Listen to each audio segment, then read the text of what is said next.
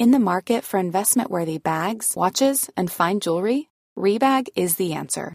Rebag is a luxury resale platform where each piece is carefully inspected by experts to ensure quality and authenticity. Use Rebag to buy and sell finds from the world's top brands, including Louis Vuitton, Chanel, and Cartier. Head to Rebag.com and get up to 15% off your first purchase as a member with code REBAGNEW. Shop today at Rebag.com. That's R E B A G.com. And use promo code REBAGNEW for up to 15% off your first purchase as a member.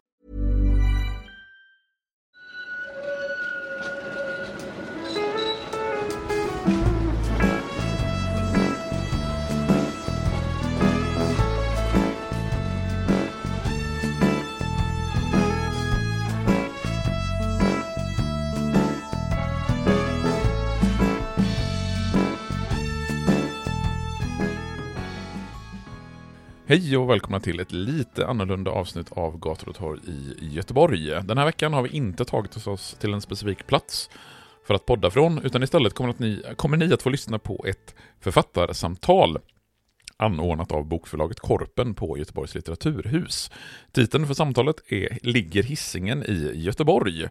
Och det passar ju utmärkt för den här podden att ha ett sådant samtal i poddflödet. De som samtalar det är Martin Ahlstedt, författare till boken Hissingen, ön i gränslandet och välbekant röst för er som lyssnar på podden. Han diskuterar frågan tillsammans med Olav Fumarola Unsgard som har skrivit boken Lilla Valparaiso, nätter och dagar i Göteborg. Och det här samtalet leds av Pia Lundqvist, redaktör för boken Plats i staden, Göteborgs judiska 1800-tal. Eh, på julafton och juldagen så kommer det ett nytt avsnitt av Gator och torg i Göteborg. Också det kommer att vara lite speciellt, dock Patreon-exklusivt, där jag och Malin kommer att prata om göteborgska jultraditioner.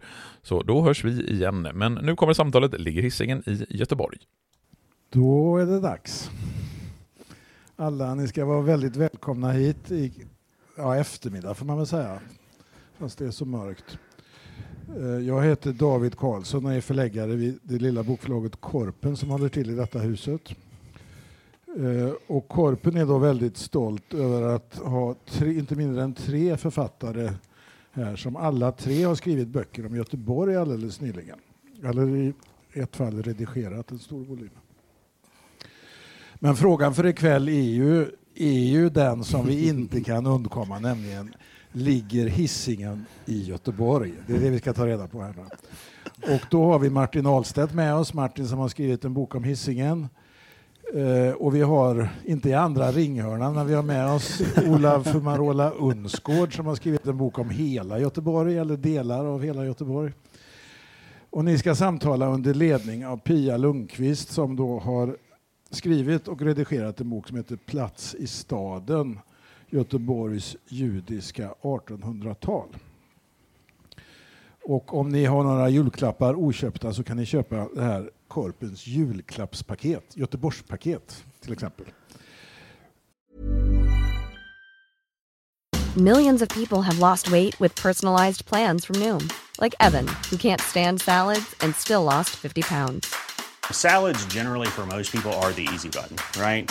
For me, that wasn't an option. I never really was a salad guy. That's just not who I am. But Noom worked for me. Get your personalized plan today at Noom.com. Real Noom user compensated to provide their story. In four weeks, the typical Noom user can expect to lose one to two pounds per week. Individual results may vary. Hiring for your small business? If you're not looking for professionals on LinkedIn, you're looking in the wrong place. That's like looking for your car keys in a fish tank. LinkedIn helps you hire professionals you can't find anywhere else, even those who aren't actively searching for a new job but might be open to the perfect role. In a given month, over 70% of LinkedIn users don't even visit other leading job sites. So start looking in the right place. With LinkedIn, you can hire professionals like a professional. Post your free job on linkedin.com slash achieve today. Tack så mycket för att ni har kommit hit och nu lämnar jag över till Pia. Så, går det bra att höra mig? Ja, jag säger välkommen igen till er två författare och jag tycker det är jättekul att jag fick eh, frågan om att vara den som fick prata med er om era respektive böcker. och David nämnde ju nyss att jag har också eh, redigerat en bok som kom ut nyligen, som den här Plats i staden, som ju handlar om Göteborgs judiska 1800-tal. Eh, och vi ska inte prata om den, men jag tänkte så här, eh, ja men finns ens hissingen med i den boken? Och då finns den faktiskt med, fast det är nog bara jag som noterar det när jag har kartlagt var den östjudiska befolkningen var bosatt någonstans. Och då har vi eh, ett hushåll som bodde i Lundby och 18 eh, sekelskiftet 1900 och sen ett hushåll som bodde i Lundby Ja, båda bodde i det, det som hette Lundby Brämaregården då. Och jag var tvungen till att gå tillbaka till min lilla databas och kolla vad det var för några egentligen. Isak Sappos Niskoff som var handlande. Han hade först bott i Haga här på 1890. Eh, sen flyttat till Lundby. Född 1853 i Ryssland. Han bodde då i Brämaregården på Hisingen med sin hustru och äldste sonen som hette Jesaje i, och var född i Berlin. Men sen försvenskades familjen namnet till Julius. Och några av barnen då hette traditionella, väldigt traditionella judiska namn som Ester, men sen kommer då Ivar och sen kommer Beda född i Brämaregården. Mm. Och det tyckte jag var lite roligt.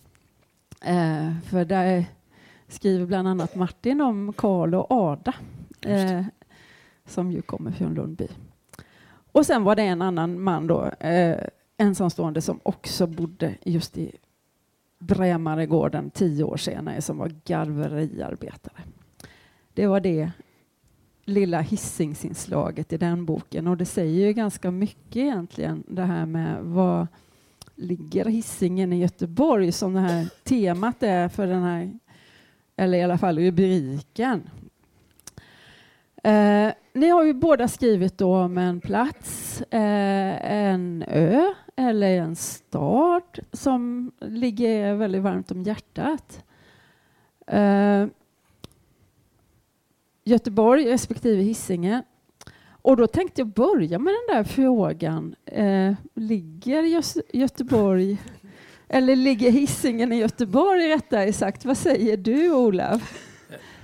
När, inför det här samtalet, jag kommer komma tillbaka och läsa lite ur en, vad kan jag kalla det, dikt, eller jag vet inte vad man ska kalla det, men då har jag, när jag letade, började liksom göra research inför det här samtalet, eller liksom började läsa in mig, så märkte jag en oerhörd eh, hissings passionerad patriotism.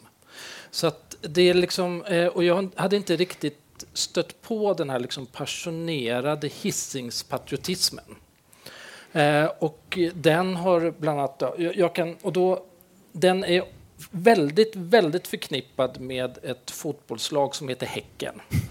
Eh, och eh, det, jag ser också liksom att jag ju bättre det har gått för Häcken, eh, desto mer hissingen patriotism och desto mer eh, ser, liksom, definierar, eh, har jag sett liksom i de här, när jag läst på inför detta, att man definierar Häcken som hissingen och då i motsats till Göteborg. Eh, bland annat hittade jag på Youtube en sång som heter Svulstig hymn till hissingen Eh, och eh, det finns eh, fler och fler sånger och eh, eh, dels hejaramsor men också sånger som inte direkt är kopplade till Häcken om hissingen. Så att eh, det jag skulle ha stött på skulle jag säga är en väldigt, väldigt stark och jag skulle säga ökande hissingspassion. Så att, och då definierat i motsats till Göteborg. Den strofen eller den sången jag letade efter handlar om att riva Göta älvbron och eh, proppa igen tunneln så hissingen kan segla fritt. um, så att, eh, jag tror att eh, hissingen ser sig mer och mer som en egen del av Göteborg. Mm. Ja. Vad säger du Martin? Ska jag svara? Intressant start på samtalet här. Jag, för det första, så jag är uppvuxen på Hisingen men jag bor ju faktiskt inte på Hisingen själv längre. Kanske jag, säga. Jag, jag tycker att Hisingen är, är en väldigt intressant plats på många sätt. Jag har ju skrivit en hel bok om Hisingen så det är klart jag tycker. Men jag kanske inte riktigt är en sån där jag vet att de finns, alltså Hisings patriot så. Eh, så att, och när det gäller det här med Häcken, alltså det är ju en ganska bra start på det här samtalet faktiskt. För att det, jag, du, håller ju, det är ju precis som du säger. Alltså, Hisingen är inte Göteborg, sjunger väl till och med Häckenfansen själva. Men mitt svar på det är att det, det är klart, jag, jag, förstår ju liksom den hållningen. Jag förstår att de behöver skilja sig på något sätt från liksom Göteborgslagen så. Men faktum är att Häcken kommer ju från den del av Hisingen, alltså Lundby, som införlivades i Göteborg 1906 redan. Häcken grundades som fotbollsförening efter det. Så att jag har svårt att se det på ett annat sätt än att Häcken är ett Göteborgslag och Hisingslag.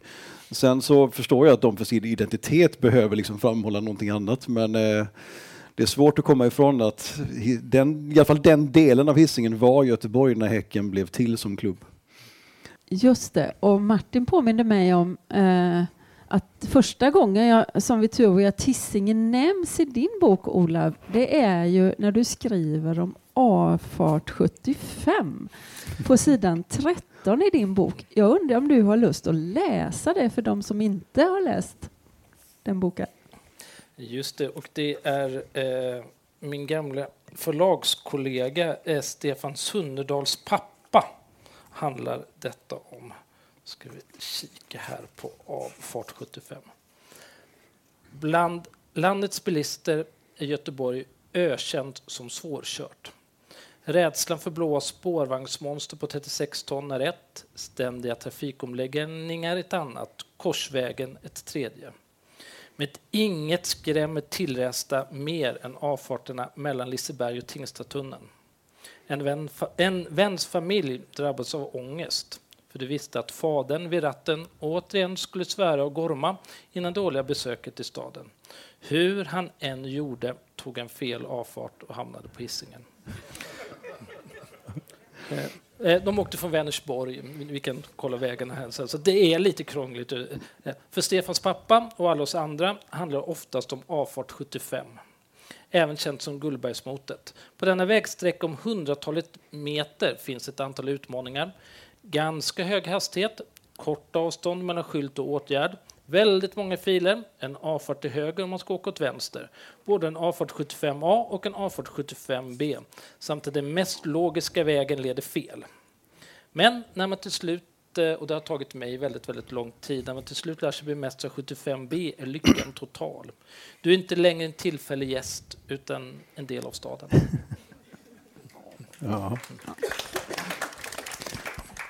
Alltså det, är, det är en väldigt vacker text som kanske, kanske är en bit på vägen till den här frågan om Hisingen ligger i Göteborg. Det är först när du bemästrar den här som du faktiskt, när du, när du kan komma till Hisingen. Men jag tänkte också på något som eh, jag halkade på, som du skriver i din bok, eh, Martin, eh, som egentligen är ett citat av en rapport på sidan 177. Jag vet inte om eh, det är ju... Eh, Ska jag Ja, från, från boken som Stats, Göteborgs stadsmuseum gett ut. Jag tycker också den kan vara en liksom, eh, inledande ord här på något sätt som sätter problem eller frågan på kartan. Ja, jag håller med. Det här är faktiskt det här är alltså inte skrivet av mig då, utan jag citerar ur en bok som heter Upptäck hissingen som Stadsmuseet har gett ut. De har gett ut sådana i någon serie som heter Upptäck oss i olika delar av stan. Då. Och då skriver de så här. All... Oh, det är inte så jättelänge sedan, det är tio år sedan någonting. Jag kan kanske... Ja, det är modern tid, absolut. Ja. Eh, tio, ja, tio, max 15 år sedan, något sånt. Så här skriver de. Allt sedan 1800-talets början har hissingen fått ta emot det som inte rymts inom normalt stadsplanerat område, men ändå varit oundgängligt för näringslivets och stadens utveckling. De första sillsalterierna, de växande skeppsvarven, kolhamnen, raffinaderierna, mentalsjukhusen, flygplatserna, Volvos tre stora industriområden, bergtäkter, reningsverk, stormarknader, galoppbana, speedwaybana. Punkt, punkt, punkt. Ja, jag håller med, det säger någonting. Eh, och, det är också intressant tycker jag, apropå just, jag noterade ju när jag läste om din bok Olav nu att första gången hissingen nämns så är det just som en plats dit man hamnar om man kör fel. Och det, jag vet inte hur mycket det säger men jag kan säga att jag känner igen det från ganska många människor som jag känner då som inte är från Göteborg som också faktiskt ofta säger det som första sa. Om man kommer in på ämnet hissingen, ja det är ju där man hamnar om man kör fel. Och det enligt det här citatet kanske då också säger någonting om att det är en plats som är lite bortanför Alltså historiskt så är det så i alla fall då. Men där man har placerat sånt som inte riktigt fick plats i staden. Liksom. Ja, och det, det, är ju en stad som, som skiljs av älven helt klart. Och jag, jag, vet inte, vill du visa den här kartan du hade med dig Martin? Ja, alltså, jag vet inte. Jag vill, du hade jo, en men, karta, väl... men, men, för det tangerar ju det här ämnet eh, om hissingen ligger i Göteborg. Vi kan väl börja titta på två bilder här som vi plockade fram. Precis, vi, alltså helt enkelt för att försöka svara på den här frågan. Den kan man kanske svara på på olika sätt, men rent geografiskt, om man förhåller sig till de geografiska fakta som finns, så är ju första svaret på frågan ligger Hisingen i Göteborg? Ja, förstås, om man med Göteborg menar Göteborgs kommun. För det är ju så då att med början 1906 så införlivades alltså Lundby då i Göteborg och sen tog det ganska lång tid i och för sig innan övriga delar av Hisingen blev Göteborg, men så småningom så blev de ju det. Men det är ju inte självklart kanske att man med Göteborg menar Göteborgs kommun. Man kan till exempel mena Göteborg som tätort och då ser det ut så här. Eh, för det är också så här då, begreppet stad finns ju liksom inte riktigt längre i någon officiell mening. Så vad är då en stad? Ja, det, det kanske är en tätort eller så är det en kommun beroende på hur man ser det. Men Göteborg som tätort, jag ska säga också att definitionen av tätort då är att det ska vara en bebyggelse jag citerar nu alltså från eh, Statistiska centralbyrån här. En tätort definieras som ett sammanhängande område med minst 200 invånare där avståndet mellan husen är mindre än 200 meter. Det får liksom inte bli för långt mellan husen för då är det en ny tätort. Och då ser ni här att Göteborg sträcker sig då en bit upp på hissingen men som tätort så sträcker sig Göteborg faktiskt inte upp för, alltså, så att det täcker hela hissingen.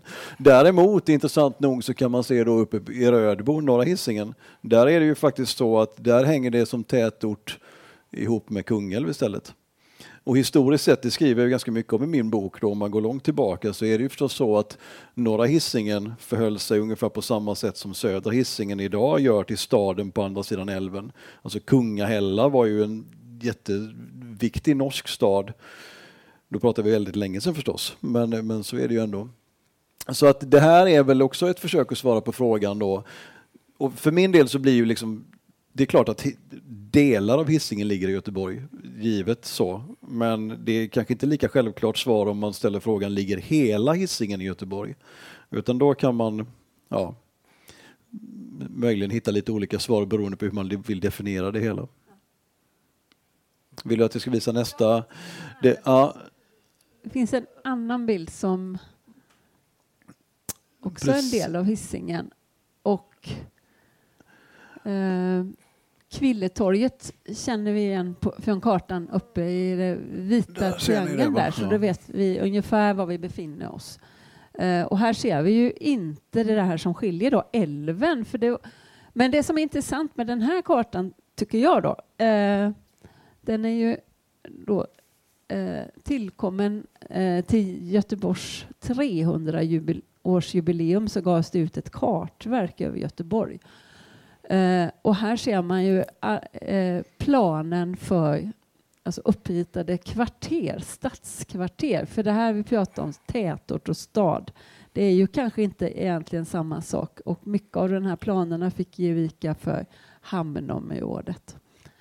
Men ni kan ju ha den där bilden kvar på näthinnan så kanske vi släcker eh, bilderna nu då. Så. Ja men precis. Ja. Bara en sista kommentar är väl ja. just att det här då förstås ändå är den, alltså med Kvilletorget, det är ju första gången som det blev en poäng också att kanske folk från andra sidan älven faktiskt hade en anledning att åka till någonting på Hisingen. Alltså det fanns ett torg på Hisingen så att det var inte bara, innan det så var det ju bara tvärtom. Alltså Hisingsbönderna åkte till staden för att, och, ja, för att vara de som stod och sålde på torgen. Men nu fanns det ju torg på Hisingen.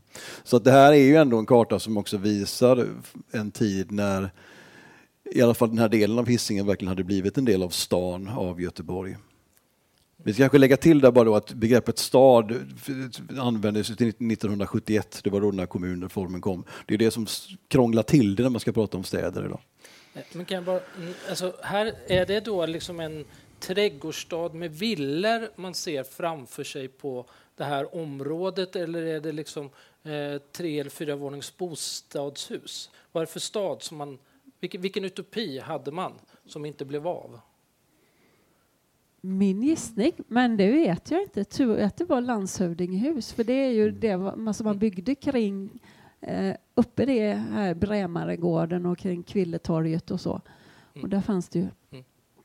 eh, så liksom en, en, en, stadsbebyggelse? En stadsbebyggelse som ju man i vissa delar av Hisingen eh, vill så att säga uppät, mm. uppeta nu i Kvillestaden och så vidare. Mm. Men jag tänkte bara jag skulle ta det här med älven så har vi liksom klojat av det här med älven för det är ju ändå som man återkommer till det här med förbindelserna. Det finns ju tusentals städer som ligger vid eh, älvar eller floder och Paris och Budapest och, och sådär. Eh, men det känns i alla fall eh, om man jämför med många sådana städer som att eh, det är ändå sådär, den är lite för bred den här älven. Eller? Alltså förenar älven Historiskt har ju vatten alltid gjort det. Eller skiljer den? Och, Ska jag börja? Du, du, du, kan börja historiskt och sen hakar jag på nutiden. jag som hade tänkt börja i nutiden faktiskt, ja. men det kanske jag inte ska göra då. Eh, nej men historiskt så, så är det väl Alltså det, det är också så här att historiskt sett så var det ju faktiskt om man går långt tillbaka då, den som bara hette älven först innan den nu har fått namn, namnet Nordrälv, det är ju faktiskt den andra, alltså det är ju, då är vi där uppe igen, alltså på norra Hisingen, som historiskt sett var den viktigare älvfåran. Men, men sen så kan man väl säga att eh, det är klart att den älven mer och mer har kommit att förena utifrån att ändå staden här växer fram och Hisingsbönderna som det ju ofta var liksom hade eh, förstås då behov av att sälja det de producerade så att då åkte de in till staden med det. Sen var det också en stor period, period med alla sillsalterierna, alltså under sillperioden. Det var ju mycket på Hisingen. Och då, det blir ju en viktig del av stadens verksamhet som också står med här i Stadsmuseets skrift. Då. Ehm, så att det, älven har väl förenat men den, som du säger den är ganska bred så det är klart att det krävde ju då att man fick till överfarterna först med färjor och sen med broar och så. Mm. Eh, och sen skulle jag ju säga eh, en, en liten text handlar om att eh, precis när vi i, nyinflyttade till Göteborg så tänkte jag ta en joggingtur längs älven. Eh, och eh, då tänkte jag liksom springa från motsvarande liksom Röda Sten till Operan. Eh, och det går ju inte.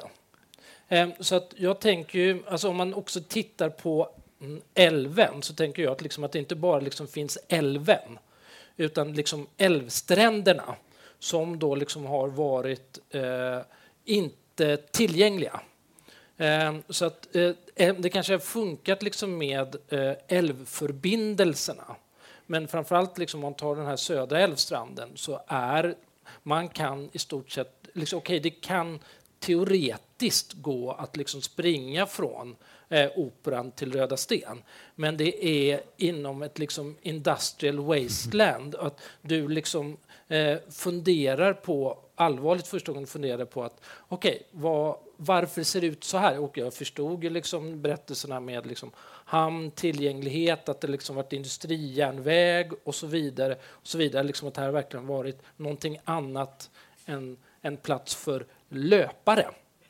eh, eh, men och då, då är det liksom också den berättelsen att också motorvägar, väldigt, väldigt stora liksom, trafik. Så att hela, hela skalan, en liten, alltså när jag springer, liksom tog mig sträckan, så känner jag mig väldigt, väldigt liten. Eh, mellan liksom stora båtar, stora järnvägar, eh, olika typer av byggprojekt. Så att eh, när man också säger liksom, eh, över älven, jo du kan ta det med bil. Och det är väl liksom någonting som jag tänker med liksom Göteborg som stad, alltså hur man stadsplaneringsmässigt har tänkt eller inte tänkt eller byggt ihop, eh, så har det varit en bilnormativitet i den här staden som har gjort att du, nej men stad, Hisingen är tillgänglig med bil. Eh, både för folk som kör rätt och fel.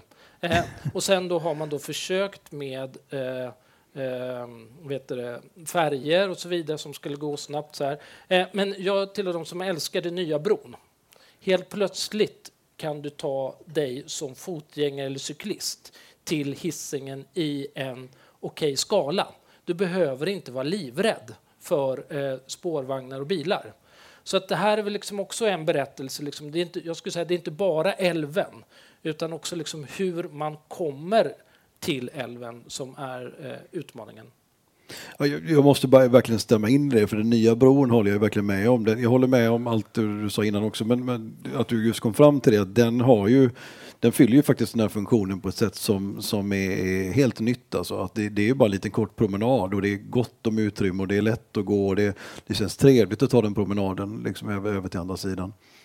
Det var ju kul, alltså, när, när Göteborg också firade 400 år, då, den här jubileumsfesten som var faktiskt på Hisingen, Frihamnen, i somras, så var det ju, jag var en av dem som eh, trängde mig upp, det var ju mycket folk då, men på bron och tog den lilla fina promenaden in till, till stan upp på andra sidan där. Eh, ja, så Hising, nya Hisingsbron har blivit väldigt bra när det handlar om att förbinda Hisingen med resten av stan. Just det, men sen vet man ju inte då. Eh, jag vill att vi ska eh, korka igen alla tunnlar och riva broar eller ja, om de ska komma nära varandra eller inte. Eh, men det blir också det här som du tog upp, Olav, det här att man kommer liksom inte ens åt älven. Hur ska man då ens kunna ta sig över? Det är ju likadant egentligen på på Hisingssidan. Men när man läser om dina vandringar, för där är det väldigt ofta när du går och ska liksom gå på gränsen här med det som har varit Västergötland, Sverige och Bohuslän, Norge, så är det liksom stängda hamnområden och stängsel och taggtråd och eh, raffinaderier och industrier och sådär. Allt det där som man eh, ja, som har hamnat här längst med hela älven egentligen. Så att, eh, men, men, ja, så, men ja. alltså, hur går dina band? Alltså, eh, liksom, hur, eh, klättrar du över de här olika stängslen eller tar du dig in genom industriområdena? Eller liksom? Det, ja, ett kul exempel på det är väl kanske, nu är det inte precis nere vid älven då i och för sig, men på, vid ett annat ställe lite längre upp på Hisingen då, så första gången jag gick den här gränsvandringen så, så ja, möttes man av ett staket och så står det militär skjutbana. Eh, det här fick man ju inte gå in då. Um, då gjorde jag inte den gången, men sen faktiskt nu när det liksom blev ett bokprojekt så kunde jag ringa dit och fråga och, om jag kunde få komma in och titta och då fick jag det. Och det är faktiskt, jag, jag, gjorde, jag ringde faktiskt också någon form av säkerhetschef, fick jag tag på, på slu, till slut upp i Göteborgs hamn för att försöka göra samma sak där. Men det vi kom fram till var att det var kanske ingen större idé för att där är, det finns ju ingenting kvar av hur det såg ut ursprungligen. Det vill säga då skulle man liksom gå på en tänkt gräns över någonting som ändå inte eh, på något sätt påminner om äldre tider. Liksom. Till skillnad från Volvo Torslanda, det, som jag ju, det är ju det senaste jag skrev till boken, alltså när boken i stort sett var färdig så lyckades jag ju få kontakt med Volvo Torslanda och fick komma in och gå gränsen där. Och då gick jag i och för sig in i fabrikslokaler och så. Men mellan de här fabrikslokalerna så finns det ju sparad natur. Det finns ju gammal skog och det finns gamla gränsmurar och det gör det ju spännande då. Då blir det ju kontraster mellan det nya och det gamla. Men hamnen kändes ju liksom inte riktigt meningsfullt för där finns det ju inget gammalt alls bevarat liksom ett annat spår här, för jag tänkte när jag fick det här då, eh, uppdraget så tänker jag då att eh, du Martin, du är ju uppvuxen på Hisingen. Du berättar nu, du är inte född där, men du är i alla fall uppvuxen på Hisingen. Mm. Och du har skrivit, man känner liksom att eh, du, du har mycket varma känslor för Hisingen. Och Ola, du flyttade till Göteborg som vuxen eller som ung, ganska ung vuxen kanske, men, men eh, det är liksom eh, det framgår av båda era böcker att ni liksom känner er hemma, ni hör hemma på den här platsen som ni skriver om. Men jag funderade på vad, det, vad betyder det att vara liksom uppvuxen på en plats respektive liksom att erövra en plats eller lära känna en plats senare i livet? Eller är det ingen skillnad på det? Mm, Ja, men det, eh, jag var ju... Min, min stora oro innan när, när jag hade skrivit boken eh, och den, liksom, den, den fanns så kom jag att tänka så, men herre, hur dum är jag? Du är en stockholmare som skriver om Göteborg. Så jag var helt säker på att allt fokus på liksom skulle vara att jag är stockholmare. För att det är ju, liksom, det är ju haram. Alltså det, det, det är ju liksom om man bryter mot, på, mot något så är det det. Men eh, det har inte varit något, ingen text, ingen recension, ingen kommentar har handlat om det. Så att det är liksom, okej, okay, alla mina tankar och fördomar liksom eh, eh, försvann. Sen, det däremot, eh, de diskussionerna jag har fått är att eh, eh, och då hade hon även kommit in på bokaffären på Mariaplans bokhandel och frågat om jag var gaisare. Eh, eh, eh, och det var ju liksom någonting som jag inte ens liksom potentiellt hade reflekterat. Eh, eh, har jag tagit parti för IFK Göteborg, ÖIS, Gais eller Häcken i denna bok? Det fanns två eller tre stycken berättelser som rör Gais. Eh, men så att eh, det, det jag skulle säga om staden Göteborg är ju liksom att det finns ytterligare en dimension. Eh, är att det, det centrala liksom är inte liksom att du har kommit utifrån, men vilket Göteborg som har blivit ditt. Eh, Och det har varit liksom en sån här diskussion som har varit att i en bokcirkel som jag gästade att nej, men du är väldigt eh, centrerad till västra Göteborg. Till liksom de platserna där eh, du verkar ha bott och där du har minne från. Eh, så att det är liksom... Alltså att, att min, min liksom lite märkliga svar på den här berättelsen är liksom att de har varit mycket mer intresserade av vilket Göteborg jag skildrar eh, och hur jag gör det eh, än eh, att jag kommer utifrån. Eh, så att det är väl ett första försök till svar. Ja, ja nej, men jag, jag tror dock om man som jag då är uppvuxen, jag, kom, alltså jag är född i Karlskrona, så jag, är, men jag kom hit som väldigt liten, alltså som barn och växte upp på Hisingen i Backa.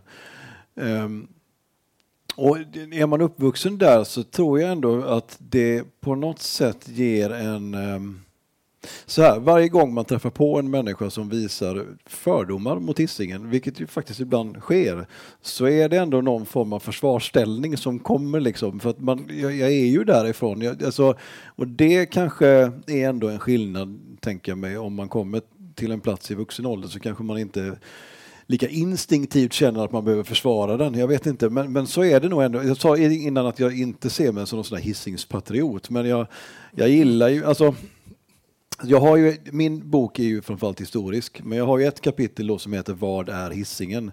Där jag resonerar lite om det här begrepp, alltså hissingen som begrepp, hur folk använder det. Där jag, jag kanske ska berätta, det finns en liten anekdot där då, det är alldeles sant alltså, det är ett antal år sedan då när jag satt på en lunchrestaurang i Göteborg och så hör, jag satt för mig själv så jag hörde samtalet på bordet bredvid och då är det fyra kollegor, en ganska nyinflyttad till Göteborg som säger då att han har flyttat till Hisingen först och så preciserar han till Torslanda. Och så är det då en i det där sällskapet som säger nej men det ser inte jag som Hisingen. Och då börjar jag liksom tjuvlyssna mer och mer intensivt för, nu, för det där väcker någonting. Alltså, vadå inte? Och sen förklarar hon då, nej men Torslanda, då säger man ju Torslanda. Hisingen, det är ju det där andra och så är det uppenbart då att det som hon ser som Hisingen är någonting dåligt. Alltså det är en förort, det är, det, dit vill man inte åka. Men Torslanda kan man ju tänka sig att åka till. Det är ju liksom fina villor och det är väl okej. Okay. Och det, ja, det är där alltså, det stör mig. så, så, så då... Um, um, Ja, och det, är inte så, det är ju ett antal år sedan. Sen när jag med Leif som sitter där i publiken, vi var ju hos Ines här där jag bor i Landala nu och alltså Ines bokhandel som säkert alla känner till och signerar våra böcker i lördags. Och det var, alltså under den korta tiden så var det två personer som kom fram och, och köpte din bok om Göteborg Leif, men ser min bok om Hisingen. Hisingen, nej. Sibirien sa någon. Jag tänkte så här, händer Ja, men uppenbarligen händer det. Så att det, det, finns ju liksom en fördom mot att Hisingen bara skulle vara en enda stor förort. Liksom. Eller vad man nu ser det som. Men för det är också sån här käpphäst för mig då att det, i ganska många sammanhang så blir det ju fel att prata om hissingen som en sak. Liksom. Alltså, som ett, för det, det, är ju en ganska... Alltså historiskt sett så består, består ju hissingen av sju socknar. Det var stort nog att behövas sju kyrkor. Liksom. Tre länder. Eh, och, ja, precis. Och dessutom då att jag skriver om den här delningen då, precis. Eh, som ju också är jättegammal då, att historiskt har ju hissingen så längre man kan spåra bestått av två delar eller hur man ska säga. Men, eh, nej men så att, för det, det är också sån här man kan till och med höra liksom lokalradion fortfarande ibland rapportera om... Eh, de har blivit lite bättre tycker jag dock faktiskt. Jag vet inte om de har tagit till sig och hört vad jag har sagt. Men, men sådär, om de rapporterar om en förskola på hissingen. Det går ju, vadå på hissingen? Det är lika oprecis som att säga en förskola i stan. Alltså då skulle man ju säga Landala eller Majorna eller vad man nu man skulle säga en stadsdel. Men hissingen räcker tydligen. Men det är ganska stor skillnad på om det är Backa eller Tuve eller Torslanda, eller hur? Så, så i sådana sammanhang så måste man ju använda de här mer precisa begreppen. Sen är det klart att min bok den handlar ju om hela ön Hisingen. Så, men ja, man får använda rätt begrepp i rätt sammanhang. Just det, det är sant. Ja, men då känner vi här hur temperaturen, den känslomässiga temperaturen, den, den stiger här nu. Ja.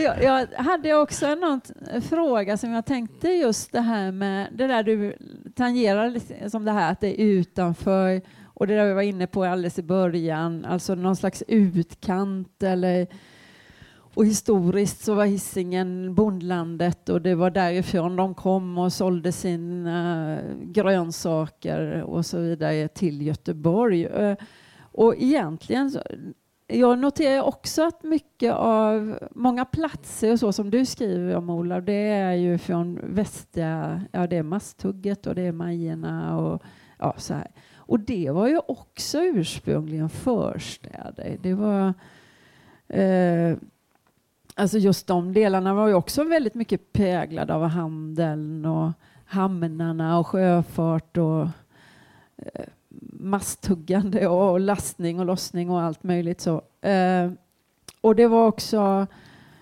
ganska relativt fattigare områden än, än i alla fall staden inom Valgeöven, precis som Hisingen tror jag, jag vet inte, det har jag inte kollat upp, men det är klart det finns väldigt rika områden på Hisingen.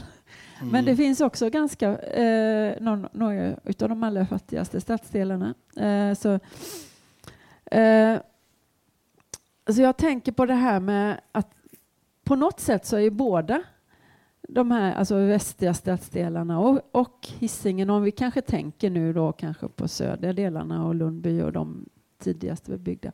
Men det är någonting det här med utkanterna, förstaden och så som eh, eh, ja, ändå förhåller sig kanske lite ambivalent till själva stan. Jag läste någon bok eh, för ett tag sedan just om någon som bodde i Majerna, tror jag det var. Och det var liksom sådär, alltså detta utspelar sig på 1800-talet, att det, man skulle helst undvika att ta sig in till själva stan. Man skulle gärna hålla sig där. Alltså jag tänker där, utkanten, förstaden. Finns det någon särskild eh, identitet i det?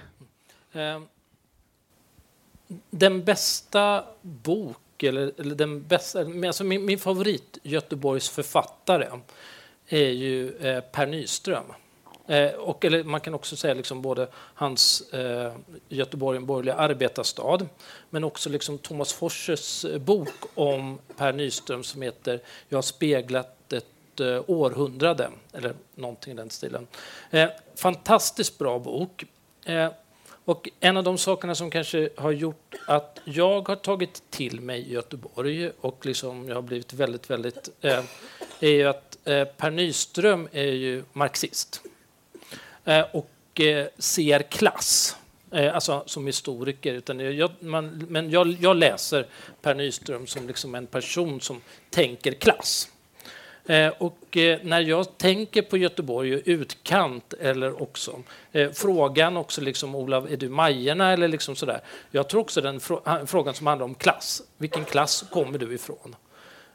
Så att jag ser en förståelse, liksom att man tolkar in platserna eller liksom de olika områdena, olika socknarna, olika delarna av Göteborg. Att det finns ett, eh, hela tiden ett klasstänk och ett klassperspektiv i staden. Eh, så att jag skulle liksom, när jag sitter och tänker och försöker förstå Göteborg så är det hela tiden liksom viktigare alltså att du som historiker, du ser ju liksom inkomster och liksom ser någonting sånt där. Och jag tror liksom att man för att förstå Göteborg, och det jag också gillade med Åke Edvardsson som Göteborgsskildare, inte hans geografikunskaper utan hans sociologiska kompetenser. Eh, alltså att se vilka platser hör hemma, var och hur. Så att jag vill lägga på ett klassraster på Göteborg, eh, för min mm. förståelse av Göteborg. Ja, nej, jag håller med det, och det stämmer ju ganska väl in på det jag just pratade om tror jag. Det, alltså, det, den här anekdoten om att Torslanda inte Hisingen handlar ju exakt just om det du pratar om nu. För det, där bor andra människor än det som den här kvinnan då såg som, som det Hisingen som hon kanske inte var lika intresserad av och kanske inte skulle köpa en bok om. Så. Um, sen är det ju kanske, men det, det, är ju igen då utifrån det som vi pratade om tidigare så är ju hissingen in, du pratar om olika platser och hissingen är ju då inte en plats utan det är ju liksom en en ö där allt möjligt finns egentligen och där det också kan vara väldigt nära mellan de här alltså Det fina villaområden kan ligga geografiskt jättenära stora förortshöghus. Um, det tycker jag ju inte, så är det ju inte minst då i Backa där jag själv växte upp. Där eh, jag minns det som att under min uppväxt så var det där inget konstigt. Alla eh, gick i samma skola och träffades där i alla fall, liksom oberoende av vilken del av Backa då som man kom ifrån. För det kunde ju också se ganska olika ut faktiskt bara i Backa. Eh, och sen tänker jag också liksom kollektivtrafiken eh, formar ju också staden. Och då är det ju liksom, eh, alltså man eh, Eh, om du till exempel tar dig till de östra förorterna. Det är väldigt långt mellan mm, spårvagnshållplatserna. Eh, också om du tar det liksom ut på hissingen med expressbussar. Det handlar ju om att det finns liksom vissa, alltså man drar snabbt förbi vissa områden för att hamna någon annanstans. Ehm, så att där finns det också liksom någonting med kollektivtrafiken. Jag som är uppvuxen i Stockholm ser ju att staden hänger ihop bättre eh, med hjälp av tunnelbanan. Sen vet jag att det inte skulle gå att bygga tunnelbana och sånt i Göteborg. Men det är liksom att de eh, expressbussarna och expressspårvagnarna eh, som tar sig mellan liksom totalt språl eller liksom industrial liksom, eh, alltså stora liksom hangarer med liksom, eh, matvaror eller liksom industrier. Eller liksom någonting. Man transporterar sig mellan platserna, man åker inte liksom genom. Eh, alltså, eh, liksom, återigen, vad är det, Lundbytunneln liksom, som mm. gör då att man liksom missar halva eh, platsen för att snabbt ta sig dit man vill. Så att eh, stan hänger in, Göteborg hänger inte ihop kollektivtrafikmässigt. Utan det är de här express... Men, jag skulle, men ändå lite bättre kollektivtrafikmässigt än om man åker tar sin bil, alltså skulle jag säga. Alltså, för det har jag ändå, slog mig nu när du började prata om det, att jag, jag har en del kompisar då som, som som inte heller kommer från Göteborg men har flyttat hit, som länge har sett hissingen bara från ett bilfönster. Mm Och det är klart att då ser man kanske inte så mycket.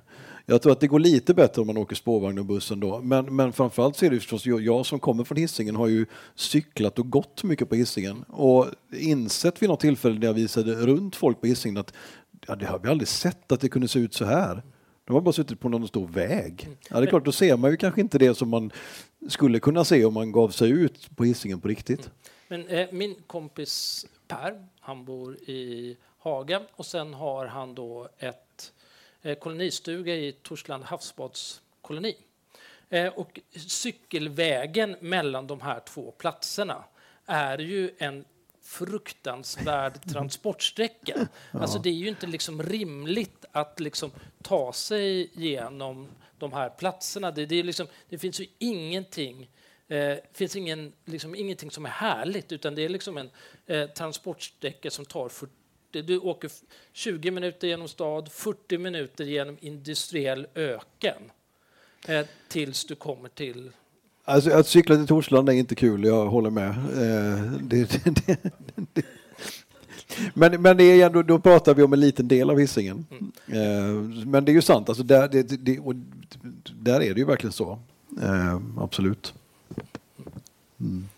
Nej, det, om jag ska haka in till någonting för att eh, alltså, som ni märker liksom läser jag ju på för att förstå Göteborg. Liksom dels bo på platsen men också läsa på. Men en av de ställena jag har blivit mest fascinerad över är ju eh, Volvo City. Eh, att att liksom gå omkring i det som liksom idag är Volvo City är ju som liksom gå omkring i en urvuxen folkhemsutopi. Eh, att det finns, eh, alltså att det var verkligen, det går att förstå tanken att du skulle liksom arbeta på Volvo, handla på Volvo, eh, bada på Volvo. Eh, alltså en en, form av liksom folkhems... Eh, alltså staten och kapitalet liksom går helt sömlöst eh, i det här. Jag tror, det kanske kommer vi alltså, kanske ha som avslutning, men jag, jag tror då liksom att eh, Hissingens nästa, nästa kapitel om Hissingen är också att störta rakt in i ytterligare en utopi. Men det sparar vi till slutet. Mm. Ja, men jag tänkte på när jag läste det du skrev om Volvo City. Eller Sör, jag kommer inte ihåg vad själva kapitlet heter. Men det Söretsgården. Söretsgården heter den, ja. Just det. Nej, men då tänker jag, det är liksom den här, inte så där otroligt länge sedan som allt det här kommer till med alla de här visionerna av hur det ska bli och så. Men ändå känns det väldigt länge sedan mentalt sett. Och också detta, ja, det här hur man liksom drar vägar över hela hissingen från Angered för att alla ska åka till sitt arbete på bilfabriken och så vidare. Liksom hur, eh, nu, nu drar man nya vägar och bygger nya eh, stora områden med eh, sådana här, vad heter det, så log, logistikområden. Jag vet inte, jag körde vilse där en gång. Jag, eh, som en hel stad som bara håller på att växa upp som man inte visste. Det är intressant det här med just för mitt perspektiv här, jag som liksom är, är ganska eller helt ointresserad av bilar. Har, eh, liksom Volvo, ja, visst jag vet att det är en viktig del av Hisingen. Det var intressant att gränsvandra inne på Volvos område men annars är ju Volvo liksom inget som jag ens tänker på. Men det är ju mest för att jag liksom inte är så intresserad av bilar eller Volvo. Jag tycker det är roligare med, med Hisingens andra delar. Liksom. Men jag förstår ju att det är också någonting, det är ju en jättestor grej på Hisingen naturligtvis. Eh, och har betytt oerhört mycket för ön naturligtvis. Så att, ja.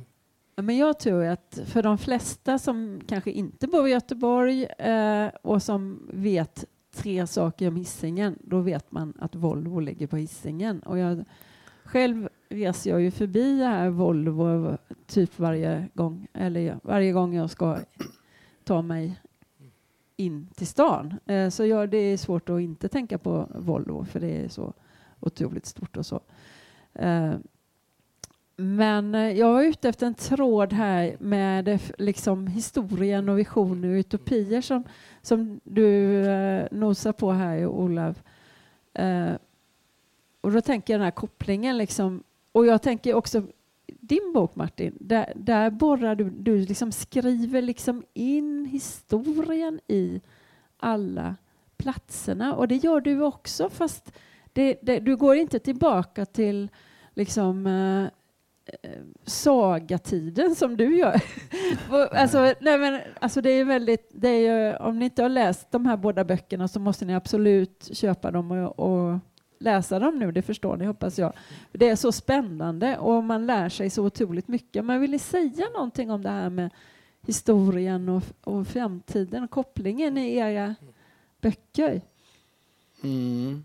Ja, du har till Ja. exempel skrivit ett, ett, ett rejält kapitel som bara heter historielektion Just det. som kan få eh, den mest inbitna historiker och nästan krokna för det är så otroligt eh, ja, mat, matigt liksom. Man får lära sig otroligt mycket. Men, men ja, Ja, men alltså min bok är ju i första hand en historisk bok. Jag skriver ju lite om nutid, men, men det, det, det handlar ju om Hisingens historia. För att, och, om inte alla vet det, så, så kort bara, så var ju idén som först inte ens var en bokidé utan bara ett kul projekt. Det var ju att identifiera den här landskapsgränsen som fortfarande delar då Hisingen mellan Västergötland och Bohuslän och historiskt Sverige och Norge. Och när jag hittade då en gammal en bok som heter Bohuslänska gränsmärken där jag kunde Alltså det är ju så att historiskt sett så var ju en gräns innan det fanns kartor inte liksom linjer utan en lista med olika gränsmärken och tänkta linjer däremellan. Och när jag hittade då en, en gammal bok som listade de här bohuslänska gränsmärkena och insåg att jag kunde gå ut på gränsvandring och identifiera de här punkterna så blev det liksom ett, ett projekt som så småningom då växte till att jag insåg att det här kan det faktiskt bli en bok av. För att ingen hade riktigt gjort det förut också. Och så insåg jag nästa sak då att det ju- finns ju ingen riktigt bra, bra bok tidigare om Hisingens historia. Ingen har liksom riktigt tagit, det finns några men inte någon som riktigt sådär tar ett helhetsgrepp om Hisingens historia. Så då tänkte jag då får jag väl göra det också. Och hittade gamla såna sockenböcker då som är om Hisingens olika socknar och byggde ihop den här liksom historieberättelsen utifrån det. Så att jag, alltså det är ju Hisingens historia som har intresserat mig mer och mer också ju mer jag har läst på själv. Um, ja. Om jag får haka i. Um, Leif, vi har också Leif Fridén här i publiken som har skrivit boken Göteborgska kuriositeter som snart kommer med en tvåa. Uh, Men uh, det som jag hade pratade liksom några gånger med Leif precis när mm, hans, eller din bok var nyutkommen. Eh, Och jag fick fatt i någonting då och jag också fick fatt i det senare, liksom mer när jag när boken finns och nu vet man liksom vad man har gjort. Men det jag också ser är att eh, Göteborg är en oerhört eh, romantisk stad. Eh, nej, men på det sättet är att man Eh, lever på historieberättandet. Alltså inte Göteborgsvitsen, eh, eller liksom historien eller skämtet om Göteborg, eh, men eh, det aktiva förhållandet till berättelsen om staden. Eh, och eh, jag kommer från det ironiska 90-talets Stockholm. Eh, och eh, här möter man en stad, alltså Göteborg kanske tänker jag är helt och hållet avsaknad av ironi. Eh, eh, utan att det finns liksom en stor, stor eh, portion passionerad romantik om staden. Eh, om jag ska säga någonting var, varför jag tror eh, Göteborg har blivit, alltså varför Håkan Hellström är så älskad. Både i stan Göteborg men också runt om. Och det är ju att han laddar platser med magi. Eh, eller romantik. Eh, och jag tror att det är ett göteborgskt förhållningssätt till, eh, till sig själv. Att eh, det finns liksom en historia. Eh, jag befinner mig här i Lagerhuset och när man har en besökare från Lagerhuset så berättar man en historia om Lagerhuset. Eh, man är väldigt bra och ser då liksom berätta in eh, en form av liksom ladda, en plats är laddad med en betydelse. Det finns, fanns någonting här förut. Det kommer bli någonting annat i framtiden, men det här liksom är eh, eh, den, liksom romantiken, platsen, historien. Eh, och där, eh, det, det ser jag som ett, någonting väldigt, väldigt typiskt göteborgskt. Ehm, att man liksom laddar någonting med passion, kärlek, eh, vem som har bott här förut. Det finns liksom bilder på fem, sex frisörsalonger med liksom Ingo-löpsedlar. Det, det, 70 det, är hur, det är länge sedan som helst, det är liksom ingen som kommer ihåg det. Men liksom för att liksom ladda någonting med historien så tar man då liksom några av stadens stora händelser. Ja, jag tror att du har helt rätt där. Att det är liksom berättelser som, som man... Alltså just det här att det är något kanske typiskt att man laddar platser och berättelser tillsammans. Och definitivt tänker jag med Håkan Hellström att det, be det behöver bara vara en låttitel så går man igång liksom på, på den känslostämning som är i den låten. Eh, det börjar bli dags att runda av här nu och uh, såklart så försökte jag hitta sådana här konkreta eh, platsmässiga kopplingar i era böcker och jag hittar ju några. Eh, vi, vi, ni har båda skrivit om Bäckebol, ni har båda skrivit om Backa, bland annat, och det är några andra sådär. Men jag funderar på nu när du sa det här med, med platser och berättelser, då skulle jag vilja Martin, om du lä ville läsa, nu ska vi se om jag hittar det som jag hade, eh, om det är jag kanske kan hitta det om du säger vad det är. Ja, det, det, det, den här, det här kan ju vara ett sånt exempel med, som är ett ganska bra exempel på hur en plats som, mm. som blir laddad med en berättelse. Just det, och då är det ett nytt citat här som eh, det är det du tänker på eller? Alltså om 37. Ja, för det här skriver jag om ganska tidigt här när jag är ute på den här gränsvandringen. Då. Det är det du tänker på, eller? Ja. ja, just det. Ja, men det är ju så då att det finns Ja, Backaplan har ni ju koll på. Du vet att Flintstone, alltså det är en liten så här snabbmats hamburgare pizzarestaurang där. Vet alla var den ligger? Det kanske ni inte gör. Men alltså det är inte så långt ifrån eh, busshållplatsen, där Stadium, ja precis om ni vet var bussarna stannar vid Hjalmar så är det mot Backaplan till så, så, finns det en liten restaurang som heter Flintstone. Och vid den restaurangen så finns det då en gränssten där det står Göteborg på ena sidan och Backa på den andra. Och det är så att den stenen är, har inte så mycket med den här gamla gränsen som jag framförallt är intresserad med att göra utan det är alltså en stadsgränssten som restes då just 1906 när Lundby blev en del av stan men Backa fortfarande då inte var det.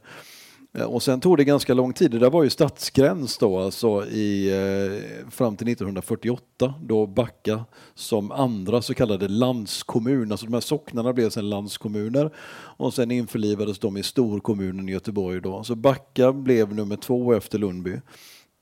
Hur som helst, den här stenen då står där och jag citerar då ur en eh, bok om Backa socken som heter Natur och folk i Backa på Hisingen.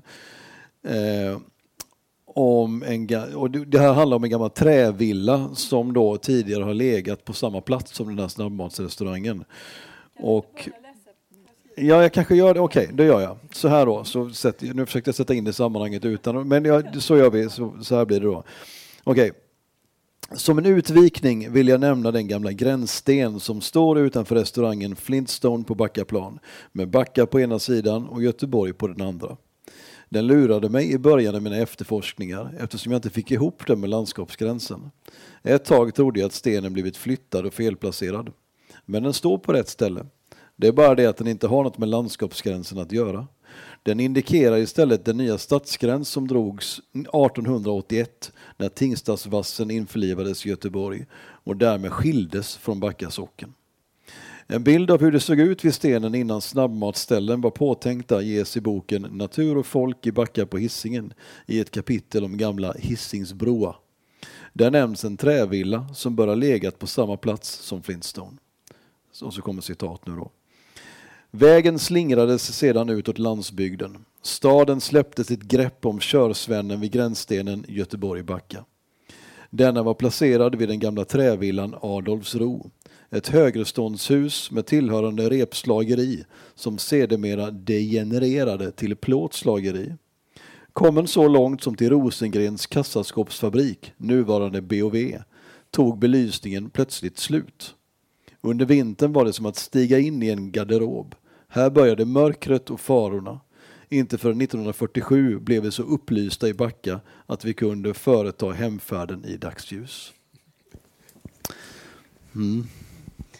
Och, och det var det gamla det gamla Backa. Och du har också skrivit om Backa, Ola.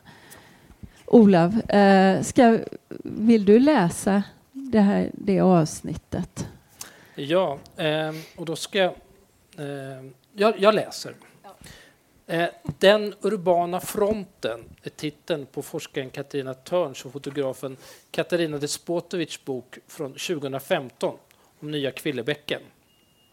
Om hur drastiskt och brutalt stadsomvandlingsprocesser omformar en stad. I fallet med dessa kvarter revs i stort sett allt. Föreningslokaler, småindustrier, affärer och en del förfallna hus. Istället för att gå i dialog tillsammans se om det finns värden att bevara. Om det gör det, hur ska i så fall ske? Näst på tur efter nya Kvillebäcken som står, eh, står Backaplan som ska bli Backaplan centrum. Vilken, eh, vad finns det där? Något nytt? Eller finns det något att bevara? Alltså i mångt och mycket är eh, Backaplan ett köpcentrumkomplex för bilister.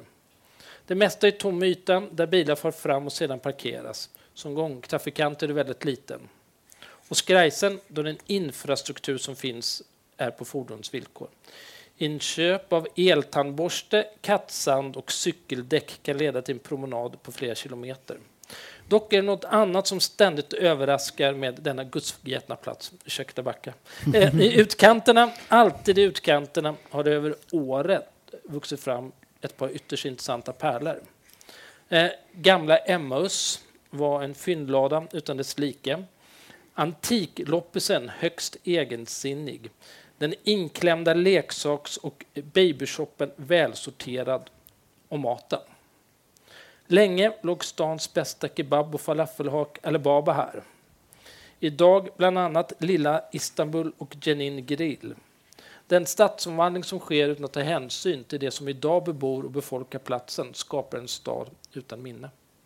Ja, vi kanske låter det nästan bli eh, slutord för det här, för det är dags att eh, sluta. Och jag eh, tackar er båda jättemycket och så rekommenderar jag då er att ni, ni tar och läser de här böckerna. Ni kommer inte ha tråkigt en sekund över julhelgen. Och det, det som är så bra med det är en sympatisk det är sympatiska format. Man kan ha dem i fickan och man kan ha dem i en väska. Man kan läsa på spårvagnen.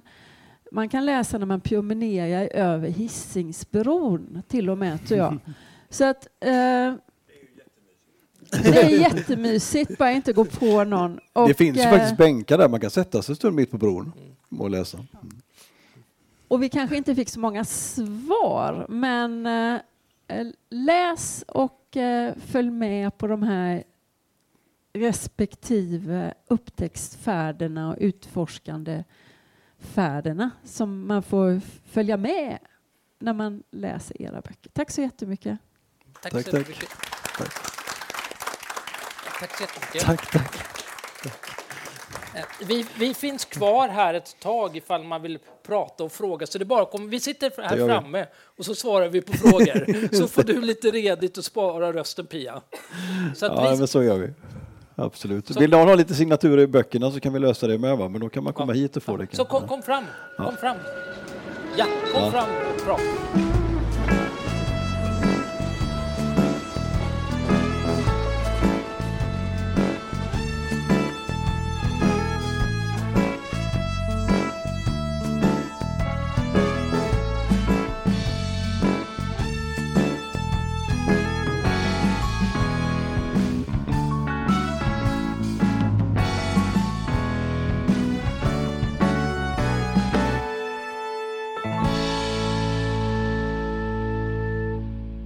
Gator och torg i Göteborg produceras av Reostat Media AB.